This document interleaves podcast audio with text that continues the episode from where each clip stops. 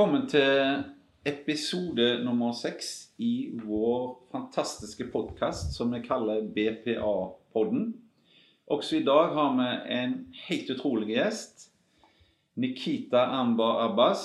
Hun er en ung kvinne som har latt seg bemerke i mange sammenhenger. Hun skal få lov å introdusere seg sjøl, så jeg gir ordet over til deg, Nikita. Fortell litt om din bakgrunn, og hvem er du? Eh, jo, jeg heter jo Nikita eh, og har studert for og ungdomsarbeider. Eh, og tenker å fokusere på å bli sosionom og jobbe innenfor humanitær og organisatorisk arbeid. Um, og utenom det så kommer jeg fra Pakistan.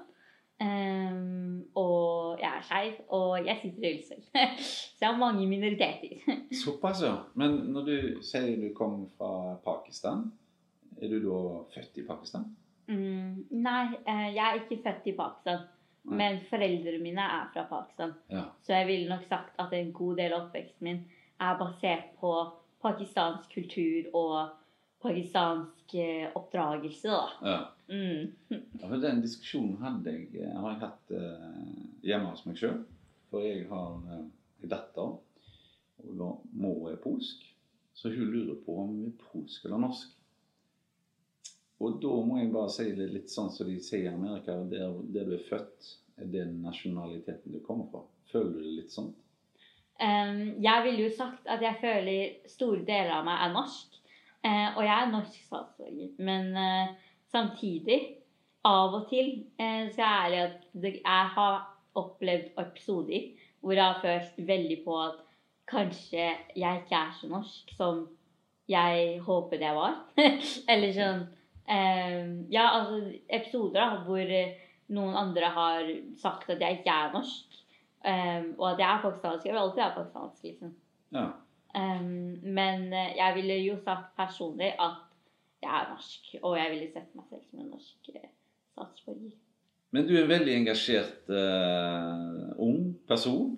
uh, og jeg er veldig sånn nysgjerrig på hva er det som egentlig brenner mest for deg akkurat nå?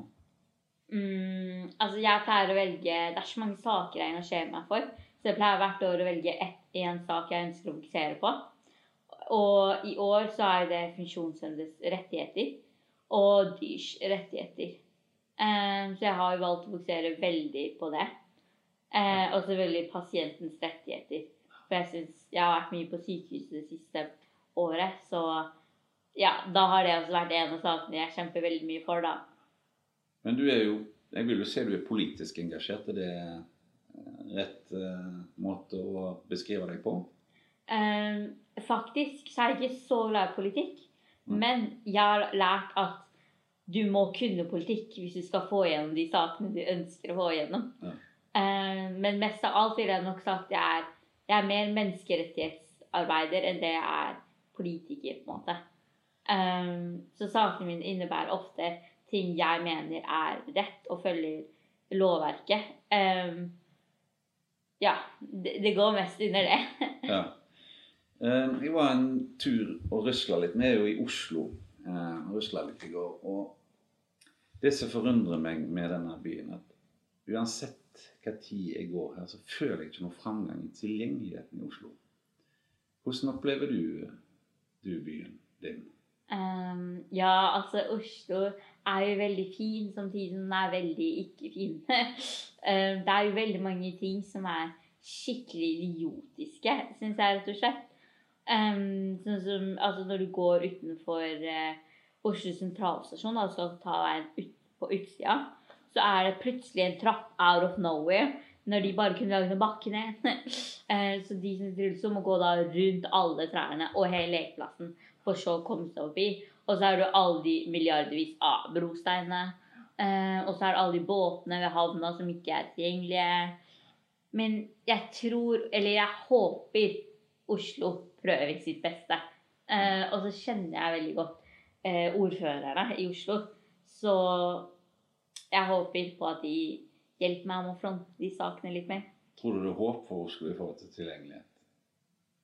Det tror jeg. Med riktige folk i ledelsen så er det definitivt tro på at Oslo kan bli mye bedre. Ja, det er jeg helt enig med deg i. Eh, Du er engasjert på mange områder. Eh, Blant annet så leste jeg om at du holdt på å engasjere deg i kvinnehelse. Kan du si litt om det? Ja, eh, jeg har alltid syntes kvinnehelse er veldig viktig. Og så ble jeg da tilbudt denne jobben, hvor da jeg kunne være med i et utvalg for regjeringen. Jeg og mange andre veldig dyktige folk. sånn veldig dyktige. Alle har mastergrader, alle er leger eller professorer, eller sånt, og så kommer tiny lille meg. Men de ville ha meg for det. så eh, jeg syns det er veldig spennende arbeid. Det er veldig alvorlig arbeid, syns jeg. Um, fordi de, alltid så bruker de litt veldig mange vanskelige ord. Men det går greit, tror jeg. Um, fordi de er alltid veldig åpne og alt sånt. Så jeg syns det er veldig kult, og jeg håper min stemme som ungdom og kvinne og utenlandsk bakgrunn og lignende kommer til å hjelpe til i det arbeidet de har tenkt å utføre. Mm. Mm. Og hva, hva er det de prøver å løse? Um, altså, de prøver jo egentlig bare å bedre um, helsen for kvinnehelse. Uh, altså, de lager nye retningslinjer og litt sånne type ting. Mm.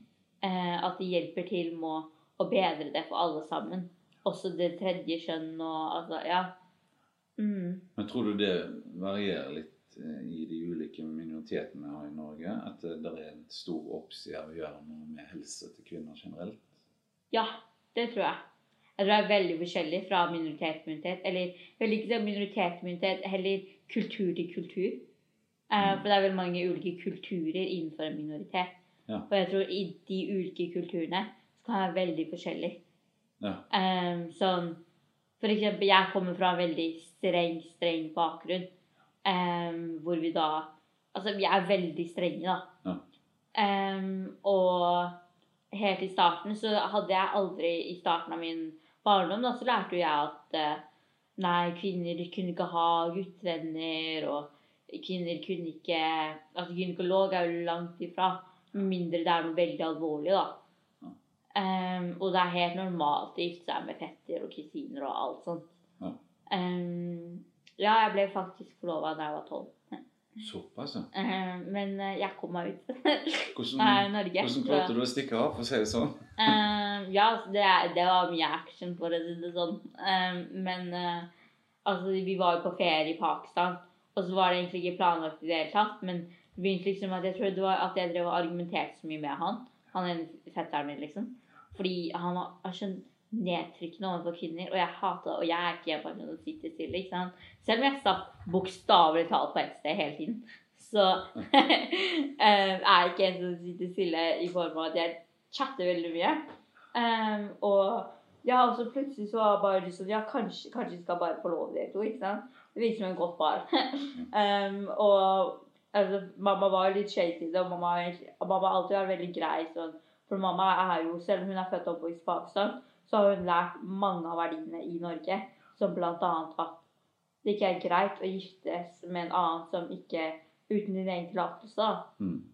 Og hun selv også har jo hatt veldig snille foreldre på, til tross for bakgrunnen eller kulturen som er veldig streng. Mm. Um, så mamma var jo veldig sånn, selv om alle de andre i slekta mi er veldig på for det, så var mamma litt sånn Ok, men til syvende og sist, hvis du sier nei, så er det meg, liksom. Ja.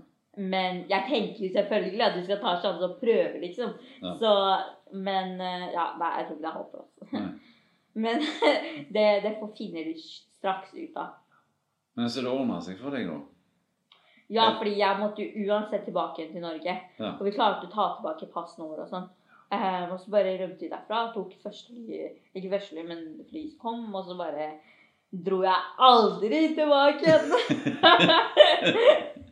okay. jeg ser det. Eh, når det gjelder BPA, det har jo du. mm. Eh, og jeg vil gjerne vite hva når fikk du BPA, og hvordan var prosessen for å få BPA for deg? Mm, BPA var egentlig veldig veldig vanskelig å få tak i. Um, og jeg skjønte visste egentlig ikke helt hva det var, med mindre ja, altså med mindre jeg ikke hadde vært aktiv i NFU. da. Um, og altså, det begynte jo med at jeg skulle flytte ut da jeg var 17 15. Um, så måtte jeg flytte ut fordi ja, altså mange årsaker. Um, og så skulle jeg da søke om BPA i samme slengen. Fordi eh, ja, altså det var også litt, Et av grunnene var også at jeg kunne ikke få BPA mens jeg var hjemme, fordi da sa bydelen at nei, men du har jo moren din, hun har hjulpet deg i alle år, hun kan hjelpe deg et par år til. Um, eller i hvert fall inntil videre, da. Og det var veldig stress. Eh, og så var det veldig mange andre grunner til det også, så jeg valgte å flytte ut. Eh, og så skulle de egentlig behandle dette som en hastesak, men de gjorde egentlig ikke det. Så, så et år senere så begynte saken virkelig å få fortgang på seg, og jeg fikk innvilget det til slutt. Ja. Um, så etter et år senere eller noe. Um, men det tok jo veldig lang tid. Og altså, jeg husker til og med brukte Sorry. Mm, bare det å skrive den kontrakten Mm. var veldig, veldig vanskelig. Ja, den trepartsavtalen du snakker Ja, trepartsavtalen, ja. Um, fordi altså, hun, Mio hadde jo signert den, og så hadde jeg signert den. Og så skulle han som eh, Altså han fra bydel signere nå, da. Han signerte den jo altså, en-to måneder senere. Eller noe. Tok sykt lang tid. Men jeg fikk det innvilget til slutt, da. Ja. Men det har vært en kamp, og jeg måtte leve et helt år i elendighet før det skjedde noe. på en måte. Ja. Men hvordan var oppstarten for deg? Mm, oppstarten av BPA. Ja. Eh, jeg syns det var veldig fint sånn eh, Jeg fikk jo veldig god hjelp fra Mio, sånn sett. Um, men jeg syns det var litt vanskelig fordi jeg har jo aldri vært arbeidsledig før.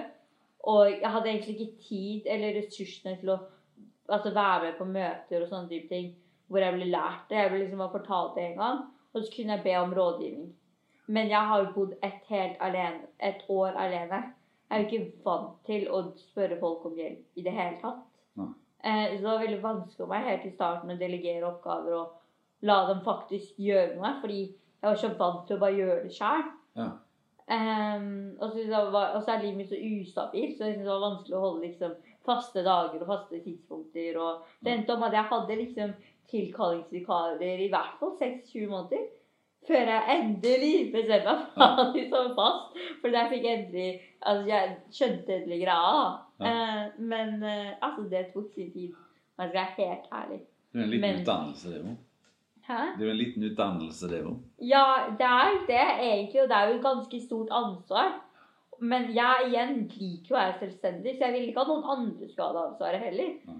Em, selvfølgelig ha- har jeg liksom Jeg har store deler av arbeidslederoppgavene, men det er noen ting som jeg egentlig også skulle gjort, men som jo gjør for meg, da, heldigvis. Um, men eh, Ja, nei, altså jeg syns det var en veldig tøff prosess helt i starten, fordi det var veldig mye. Og ja, altså, jeg var på, helt på bærtur, liksom. Både psykisk og fysisk og alt. Um, så var du veldig ung, da. mm, ja, Ja, jeg var veldig ung. Jeg var bare 18-19, Ja. Um, skjønte ingenting, egentlig. og så hadde jeg så mange møter med bydelen. Og så bare innså jeg hvor mye mamma gikk gjennom, på en måte. Fordi jeg har jo en lillesøster med samme sykdom, så vi er to i rullestol i familien min. Såpass. Og så har jeg en storesøster som er helt frisk. Ja. Og pappa. Mm. Men pappa er ute av bildet. Han gikk da, i hvert fall i min sak, da, så gikk han ut av bildet på videregående. Ja. Så det er typ 18 år, 18-19 år. Ja. Um, så forsvant han. Um, men han var i livet til de andre. Ja. Og em, ja, altså, så jeg innså da hvor mye mamma måtte gjøre. Mm. Det er jo haugevis av Nav-papirer. Og ja, som sagt så har jeg reservert meg da mot uh, digital kommunikasjon. Okay. Um, Noe jeg egentlig heller ikke skjønte at jeg hadde gjort før litt, et par måneder senere. kanskje, kanskje et år senere. Men sånn, uh, jeg skjønte etter hvert at man kan også ha digitalt, men da hadde jeg allerede lært meg hvordan sortere det fysisk. Ja. Eh, så da orket jeg ikke å lære meg noe nytt heller. Det er også en årsak. Eh, Ja. Men eh, ja, altså det var veldig mange vedtak, og så var det mange steder du måtte ringe. Og så var det liksom altså bare det å dra til f.eks. Sunnaas, da, krever jo at du må ha skrevet på tønnevis av papirer på forhånd, liksom skjemaer og sånne ting. Mm. Og så må du ringe inn og si ja, jeg trenger taxi, jeg. Eh, og så ordner jo de alt på sykehuset og tilbake igjen. Det er bare tilsykelse. Og det er bare liksom et eksempel da, på at det er så mye jobb bare der. Ja. Og så Det er jo for din egen fysiske helse. Ja, Det er noe du må gjøre. Ja. Og så kommer eh, Nav. Og så kommer arbeidslederoppgaven. så gikk jeg jo også på videregående. Og jeg skulle jo selvfølgelig ikke ta den enkle veien. Så jeg tok en dobbeltlinje, som innebærer at jeg tok studiespesialisering samtidig som jeg tok barn- og ungdomsarbeider. Så jeg tok liksom begge deler samtidig. da. Um, noe jeg likte på en, på en måte, for da slapp jeg språk, blant annet. Og um, det var mer varierende. Ja. Men samtidig så var det jo også uh, mer slitsomt. For det var mye mer oppgaver i løpet av en uke, på en måte. Så du kan se det var bra å ha BPA i den perioden? Ja, det var det. Når jeg endelig fikk det, var det veldig mye greiere. Ja. Um, men ja, jo, jeg jobba jo også samtidig Okay. i mulige steder. Og ja, som folk legger meg til når de søker meg opp. Jeg har vært aktiv ganske mange steder, selv om Ja. jeg bodde alene og alt sånt. Jeg du da se at BPA gir deg muligheten til å ha et høyt aktivt nivå. Ja, altså, BPA har gitt meg muligheten til veldig mye akkurat nå, nå som jeg endelig har fått det. Um, jeg har veldig ressursene og energien til å kunne um, trene blant annet, og dra på svømming. Fordi før det hadde jeg ikke energi til det, fordi jeg måtte gjøre alt mulig annet. Um, det er ikke sånn at jeg bare blekker ut når jeg kommer hjem, på en måte. Ja. Um, jeg har faktisk muligheten til å sitte og se på en TV-serie uten å sovne. Ja. Um, og jeg har muligheten til å være ute, dra på tusenfryd blant annet. Eh, reise Eller jeg tok én reise alene, men det har ikke vært det. Jeg vil definitivt ha med BPA neste gang. Ja. Um, og ja, altså, de gjør livet mitt mye enklere fordi jeg har en veldig alvorlig sykdom. Mm. Uh, som krever at jeg har både eh, altså fatigue, tror jeg det heter. Mm. Eh, altså utmattelse, da. Eh, og så har jeg hørselstap, så synstap, og så brekker jeg bein, for det er en beinskjørhetssykdom. Ja. Men så har jeg kobla på en muskelsykdom òg, som de egentlig ikke vet hva er, men det er muskelsykdom. Ja. Um, så det er jo veldig mange ting, da. Ja. Um, og altså, ting er slitsomt.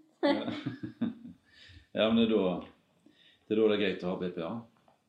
Ja, veldig. Og jeg tror egentlig alle burde fått BPA. Både de som er, bor hjemme, Ja. for foreldrenes skyld, og barnets, egentlig. Mm. Og eh, barn, for barnet generelt, da. Og ungdommen eller voksne, eller ja. Jeg leste ikke for lenge siden et, en undersøkelse som er gjort, eh, at menn får mer timer BPA enn kvinner. Hva tenker du om det? Eh, jeg syns jo Det første tanken min var jo bare eh, var sånn med likestilling. Men um, altså, jeg syns det er veldig dumt. Fordi igjen så kommer det jo til uh, dette her med at kvinner skal ha like mye sjanse som menn har. da. Um, og så skjønner jeg egentlig helt årsaken til det heller, fordi det er veldig veldig mange dyktige, engasjerende kvinner der ute også. Um, og det er veldig mange som sitter hjemme, mest sannsynlig, som har lyst til å engasjere seg mer, men rett og slett ikke vet hvordan eller har muligheten. Altså Et eksempel er jo bare venninna mi fra videregående, som alltid har ønsket å engasjere seg i politikken, men har aldri skjønt helt hvordan komme seg inn. Ja. Så veldig, nå har jeg lært henne, så nå har jeg fått henne inn i et parti og fått henne til å få en eller annen stilling i partiet og alt der. Ja. Men det er jo ikke alltid lett. Og det er jo en som er funksjonsfrisk. Mm. Så en med funksjonshemming, da er det jo tønnevis av andre ting du må passe på. Ja. Um, og så kommer jo dette her som et tillegg. Men det handler jo om lyst, ikke sant? Mm. Og jeg tenker jo at jeg er ganske sikker på at kvinner, de kvinnene som får mindre timer, Mm. har like mye lyst som mennene. Jeg har en liten teori, da. For Jeg har til gode ennå å treffe på en mannlig saksbehandler på BPA. Tror det kan være sånn at når kvinner skal saksbehandle en kvinne-BPA-søknad, at det skjer noe der? Mm, ja, altså, det kan, det kan fort være mulig. Um, og så kan det fort generelt bare være mulig. Så her om dagen så snakket jeg med en kompis, og han sa han skulle gå ut midt i samtalen vår. ikke sant? Og så da han kommer tilbake, så kommer han faen aldri tilbake. Ja. Og så etterpå så ringte han på nytt, og jeg var sånn Hva, hva skjedde med deg? Og han bare sånn Ja, jeg satt på do, jeg. Og så sa jeg Døde du der inne? Og han var bare sånn Nei, men du menn bruker lengre tid på do. Og så var jeg sånn Nei, hva er dette her for noe? Så søkte du opp. Og det er faktisk en greie. Okay. Men basert på undersøkelser bruker lengre tid på do. Fordi de liker den alenetiden. En kvinne? Ja, enn kvinner. Er det ny forskning? Eller det var på NRK. Det er det jeg vet. Blant annet. Jeg rakk ikke orket ikke å dykke langt inn men NRK er kilden min her, da. Eh, og de mente i hvert fall det. Og jeg var bare sånn Hva er dette her for noe? Skjønner du? Spesielt med tanke på at jeg også er av de som bruker lang tid på do. Jeg kan sånn seriøst sitte på do i to timer. Og det er helt chill.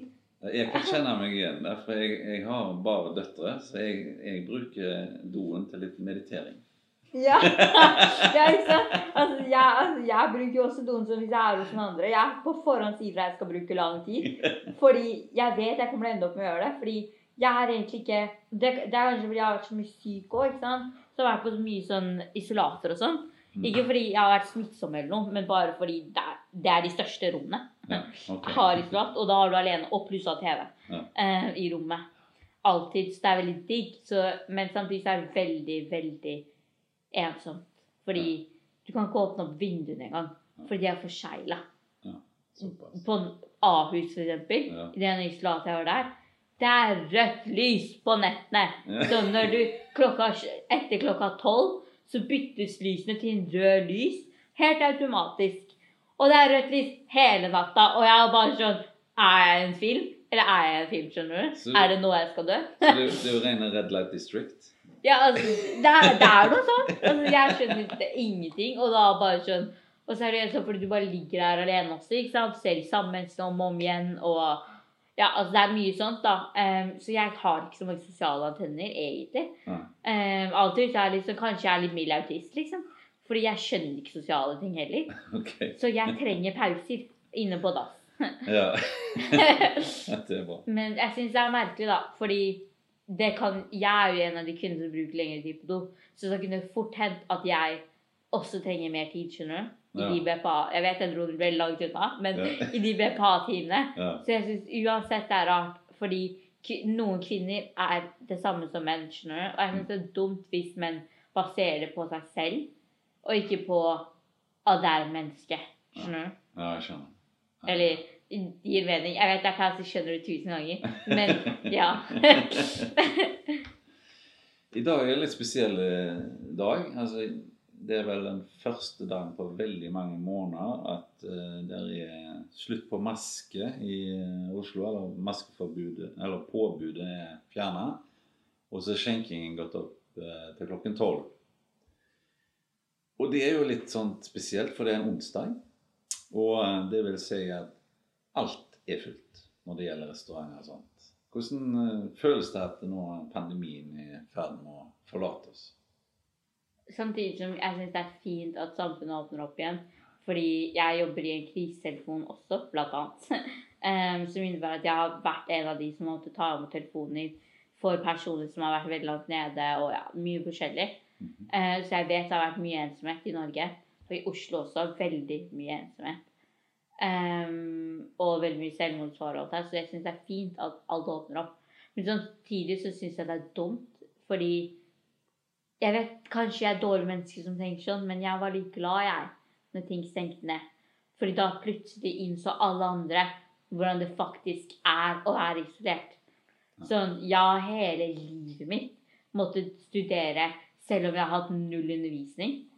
Og så kommer disse Nå mener jeg ikke å hakke ned på noen, men så kommer disse ungdommene nå og er sånn Nei, jeg fikk undervisning, fjernundervisning, men det holder ikke for meg. ass. Jeg må ha Vi må stoppe eksamener, vi må stoppe ditten og datten.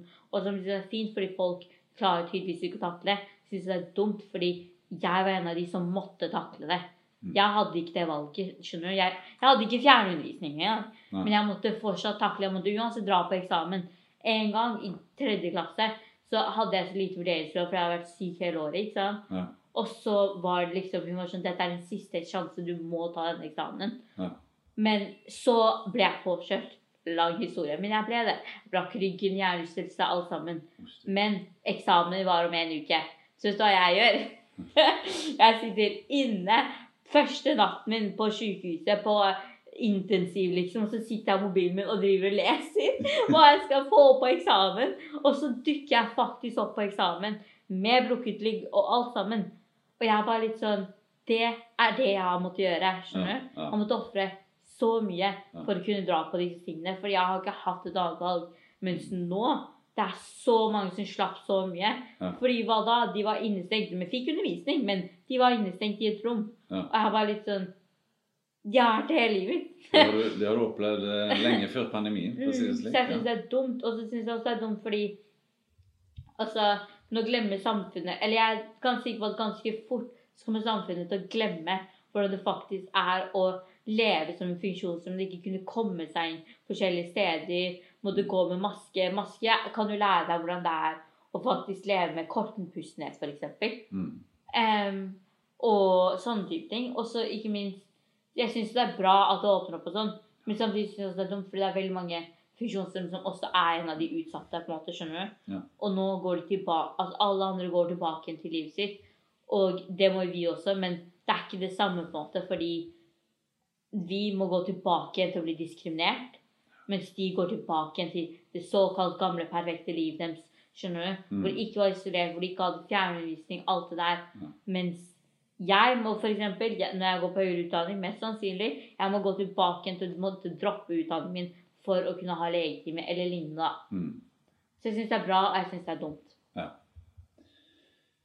Da nærmer vi oss uh, slutten på denne episoden, uh, Nikita. Og da tenker jeg at vi heller kan trekke oss ned i, i eh, lobbybaren og, og uh, nyte Oslo litt.